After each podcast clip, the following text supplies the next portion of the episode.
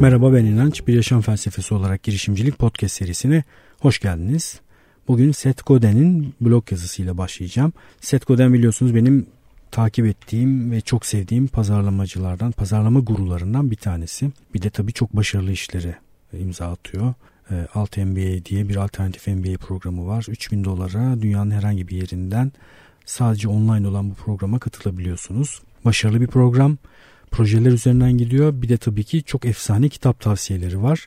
Ben de o kitap tavsiyelerini e, mümkün olduğunca takip edip içlerinde daha önce okumadığım kitaplar varsa okumaya çalışıyorum. Bu arada kitap dünyası ile ilgili bir girişim olan Her Gün Öğren arada bir bahsediyorum biliyorsunuz size. E, bireysel kullanımı açıldı. Daha önce kurumlara kurumsal bir e, eğitim e, yöntemi olarak pazarlıyorduk biz Her Gün Öğren'i. Ama etrafımızda bireysele niye açmıyorsunuz diye çok ses duymaya başladık ve bu seslere kulak verdik. Tabii ki çok uzun bir zamandır startuplar üzerine çalışan, girişimler üzerine çalışan ve düşünen insanlar olarak bu işi hızlıca nasıl çözebiliriz diye karar verdik ve 15-20 gün sonra her gün öğren bireysel kullanımı açılmıştı. Otomatizasyon kullanmak yerine her şeyi otomatik yapmak yerine yarı otomatizasyon kullandık. Bir tür MVP geliştirdik. Ee, zaten müşterimiz olan bir ödeme sistemleri sağlayıcısından e, destek aldık e, ve ödemeyi link üzerinden yaptık.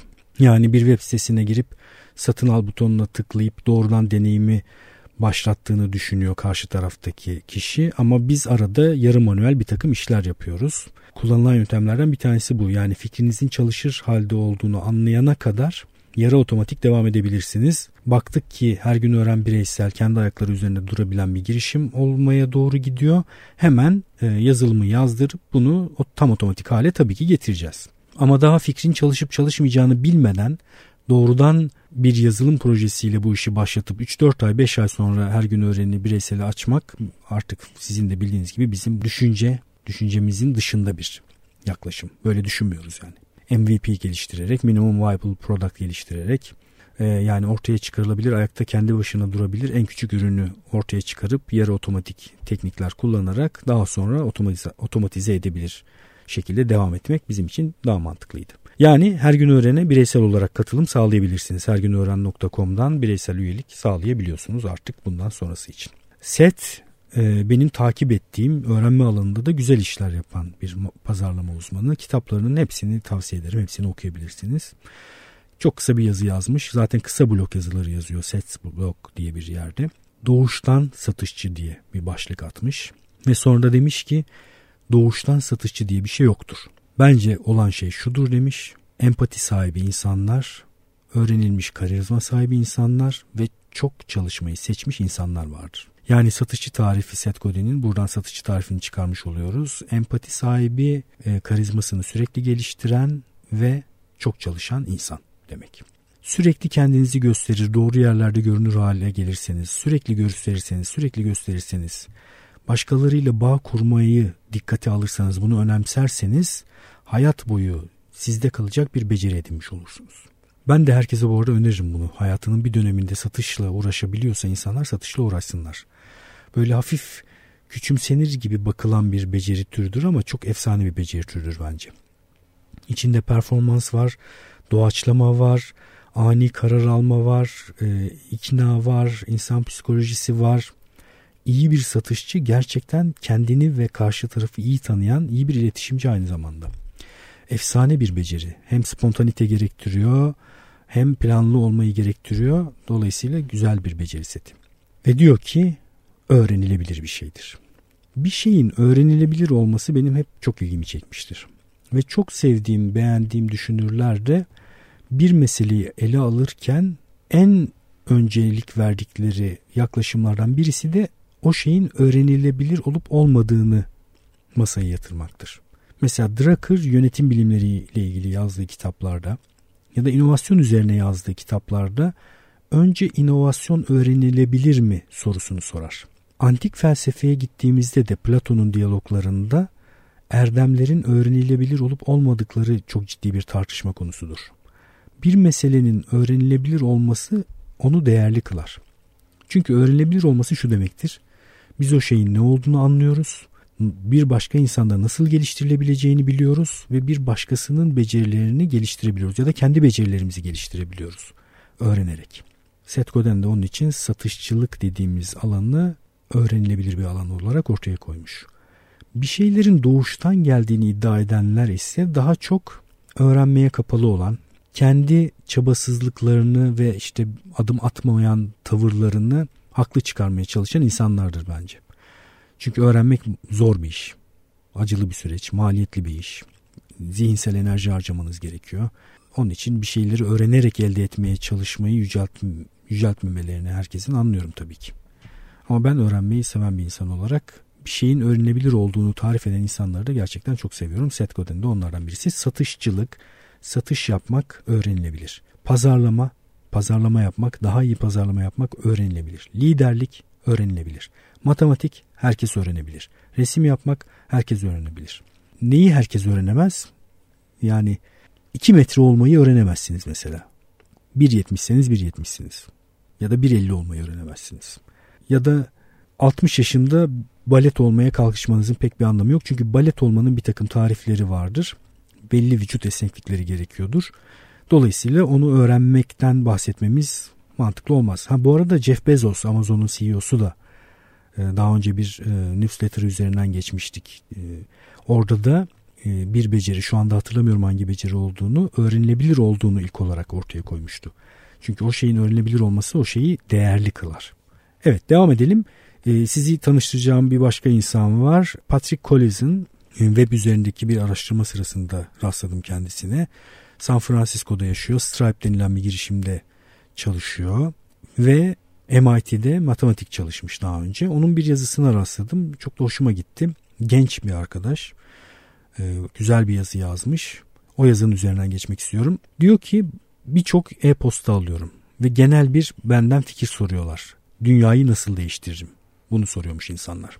Yani ben diyor o kadar hayatının uzun bir kısmını yaşamış bir insan değilim. Ben de bir şeyleri çözmeye çalışıyorum. Ama diyor geçmişteki halime öğüt vermem gerekiyor olsaydı şu öğütleri verirdim. Geçmişteki hali halim dediği hali de 10 ile 20 yaş arası için öğütler veriyor. Yazısının sonunda da eğer 20 ile 30 yaş arasındaysanız ve öğüt istiyorsanız o kısmı yazacak kadar yaşlanmadım.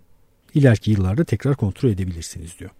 10 yaş 20 yaş arası öğütler bence herkesin uygulayabileceği öğütler ama yine 10-20 yaş arası için tabii çok daha değerli olduğunu iddia edebiliriz. Madde madde gidecek olursak bazı şeyleri derinlemesine öğren bazı alanlarda uzman ol demiş. Özellikle birkaç alanda uzman olmaya ve derinleşmeye dikkat et. Bunu yapmaya çalış demiş. Benim özellikle dikkat ettiğim alanlar neydi diye kendisine sormuş. Dil, programlama, metin yazma, fizik ve matematik. Bu alanlarda derinleşmeye ve uzmanlaşmaya çalıştım demiş. Çok güzel bakın dil, programlama, fizik, matematik temel bilimler. Felsefe eksik burada. Mantık yok. Mantık matematikten gelir ama felsefe yok. Neyse. Ve 20 yaşına kadar başarmaya çalışmanız gereken şeylerden birisi de şunu keşfetmektir. Hangi tür şeyleri yapmaktan keyif alıyorsunuz? Bu 10-20 yaş arası keyif aldığınız şeyi bulduğunuzda diyor, ileride bunun çok fazla değişmediğini göreceksiniz. E, bu benim de önerdiğim şeylerden birisi zengin deneyim biriktirme dediğim şey. Bu yaşlarda özellikle bata çıka bir sürü şeyi denemek lazım hakikaten ve bir sürü durumu denemek lazım. İşte sosyal durumları denemek lazım, insanlarla birlikte iş yapmak lazım, tek başına iş yapmak lazım, yalnız kalmak lazım, birlikte insanlarla yaşamak lazım, uzun tatile çıkmak lazım, kısa tatile çıkmak lazım, sporun farklı türlerini yapmak lazım, sanatın farklı türleriyle uğraşmak lazım, bir takım STK işleriyle uğraşmak lazım. Kulüp, üniversite kulüplerinde çalışmak lazım. Tonla şey yapmak lazım ki bu şeylerin içerisinde öyle bazı şeyler olacak ki o şeyi yaparken gözleriniz parlayacak. Heyecanla yapıyor olacaksınız. O şeyi yapacağınızın gecesi, o şeye uyanacağınız gece sabırsızlıkla uyuyacaksınız ve bir an önce o şeyi yapmak üzere kalkıp uyanacaksınız. Ee, mutlu bir şekilde o şeyi yapıyor olacaksınız. İleride işte o şeyin ne olduğunu keşfetmek sizin için daha kolay olacak. Geçmişe döndüğünüzde, deneyiminize döndüğünüzde ben şu tür durumlarda ve şu tür şeyleri yaparken akışa giriyorum, akıştayım. Mihail Csikszentmihalyi of soy ismini söyleyemedim ama neyse o, o, o nevi bir şey. Bir psikoloğun biliyorsunuz akış teorisi daha önce bahsetmiştim. Her şeyi unutup o şeyi odaklanmış bir şekilde yapma hali, akış halinde olma hali. O akış halinin ne olduğunu keşfedip onu ekonomiye dönüştürdüğünüzde, bir değere dönüştürdüğünüzde, birilerinin derdini o şeyi yaparken çözdüğünüzde işte o zaman hayatını mutlu yaşayan, görece mutlu yaşayan biri haline gelmiş oluyorsunuz. Denemezseniz bilemezsiniz. Yani 20 e, üniversiteyi bitirmiş, 25 yaşına gelmiş ve sanata hiç bulaşmamış. Sanatın hiçbir dalıyla uğraşmamış. Çeşitli iş yapma biçimlerine girip çıkmamış, proje yönetmemiş, insanlarla bir arada bir şeyleri becermeye kalkışmamış, birlikte iş yapmaya çalışmamış birisi bu açılardan daha sıkıntı çekecektir. Neyi sevip neyi sevmediğini bilme konusunda da sıkıntı çekecektir. Çünkü muhtemelen o yaşına kadar kendisine e, söylenen şeyleri başarılı bir şekilde yapmaya çalışmıştır. Önüne çıkan yemeği yemiştir. Denememiştir. Yani denemek lazım. Ve farklı türde insan faaliyetlerini denemek lazım. Farklı türde şeylerin içerisinde bulunmak lazım. Farklılıktan kasıt ne? Mümkün olduğunca farklı kombinasyonlar. İşte insan kombinasyonları, durum kombinasyonları, eylem kombinasyonları, çorba gibi dene, yap, et, dene derinleştiğin şeylerin ne kadar değerli olup olmadığıyla kendini fazla meşgul etme, bunu fazla umursama, daha çok derinleşmek ve keyif almak kısmıyla odaklan, ilgilen demiş. Ben de önemli olduğunu düşünüyorum. Yani ileride bu ne işe yarayacak diye o şeyle uğraşmaya gerek yok. Matematik keyif veriyorsa, zevk alıyorsan matematiğin kendisi değerli bir şey zaten. Onunla uğraşmak da kıymetli bir şey. Uğraş. Ya da resim yapıyorsan resim yapmaktan keyif al ileride o resim yapmış olmanın getirdiği haz, keyif, estetik bakış bir yerlerde bir yerlere evrilecektir zaten. Çok yoğun çalışacağın bir şeyler bul. Odaklanıp sıkı çalışacağın şeyler bul. Ben e, kendi geçmişime şöyle bir bakıyorum. Böyle dönemler yaşadım. İşte oyunculuk döneminde oyun çıkarmaya çalışırken çok yoğun çalıştığım dönemler oldu ya da çeviri yaparken bir dönem çeviri yapıyordum. Yine çok yoğun çalıştığım dönemler oldu. Bu yoğun çalışma dönemlerinin ve sıkı çalışmanın gerçekten çok dönüşünü gördüm daha sonra. Hatta bana en katkı sağlayan şeyler ileride ne amaçla kullanacağımı bilmeden o an keyifle içine dalarak ve çok yoğun çalışarak yaptığım şeyler oldu. Sonra bütün o becerileri bir sürü yerde çok iyi bir şekilde kullandım o kadar yoğun ve sıkı çalıştığınızda ve odaklanmış bir şekilde çalıştığınızda e, gerçekten kendinizi de değiştirmiş oluyorsunuz. Çok enteresan dönüştürücü bir gücü var yani bu şeyin.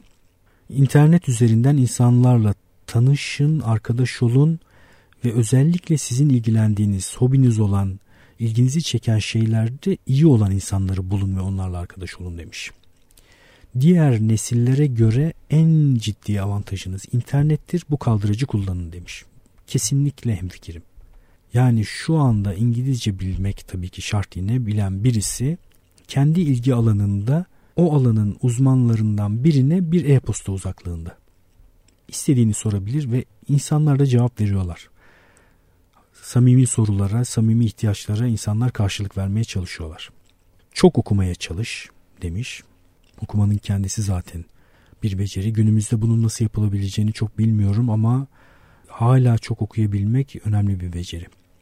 Eğer bir şeyin önemli olduğunu düşünüyorsanız ama sizden daha yaşlı insanlar onun önemli olmadığını düşünüyorsa yüksek ihtimalle sen haklısındır onlar hatalıdır diyor. Çünkü nesiller arasındaki farklar çok daha artmış durumda. Kendi alışkanlıklarını sana dayatabiliyorlar gibi bir iddiası var burada. insanlar. Kendi akran grubuna bakarak başarını ona göre yargılama diyor. Yani etrafında bir insan grubu var. Onların en başarılısı sensin. Bunun da önemi yok.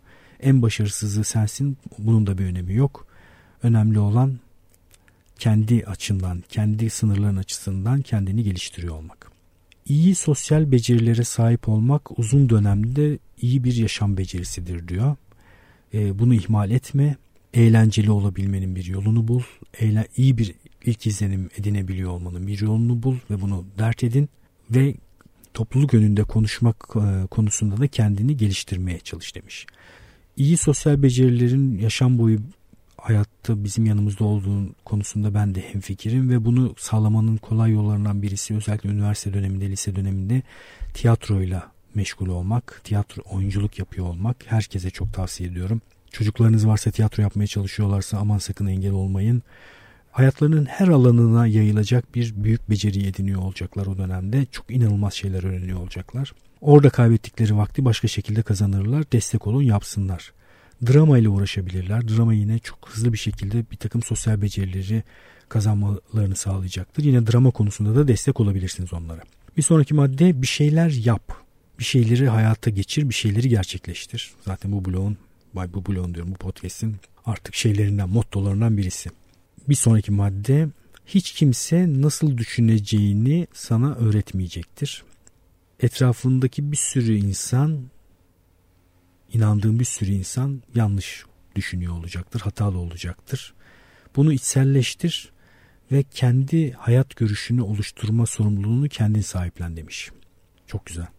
Yani düşünmek, başkalarının senin yerine düşünmesi sana kolay geliyor olabilir ama bu kolaycılığa kaçma diyor özetle.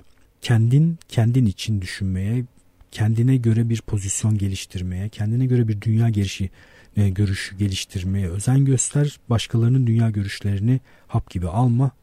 Bu, bu konuda kendine bir dünya görüşü oluşturma konusunda çaba göster demiş. İlgilendiğin alanlarda başarılı örnekleri bul. Eğer iyi bir bilim insanı olmak istiyorsan mesela iyi bir bilim insanıyla bireysel temasa geç. Röportajlarını izle, YouTube videolarını izle, Twitter'dan takip et.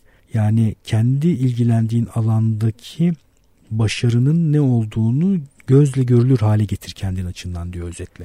Eğer böyle yaparsan bu dünyanın sana uygun olup olmadığını da anlayabilirsin hızlı bir şekilde anlamış olursun ya da sana uygun olduğunu anlarsan motivasyonunu arttırmış olursun. Destek alabilirsin, tanışabilirsin. Bu da yine benim de çok önerdiğim şeylerden birisi.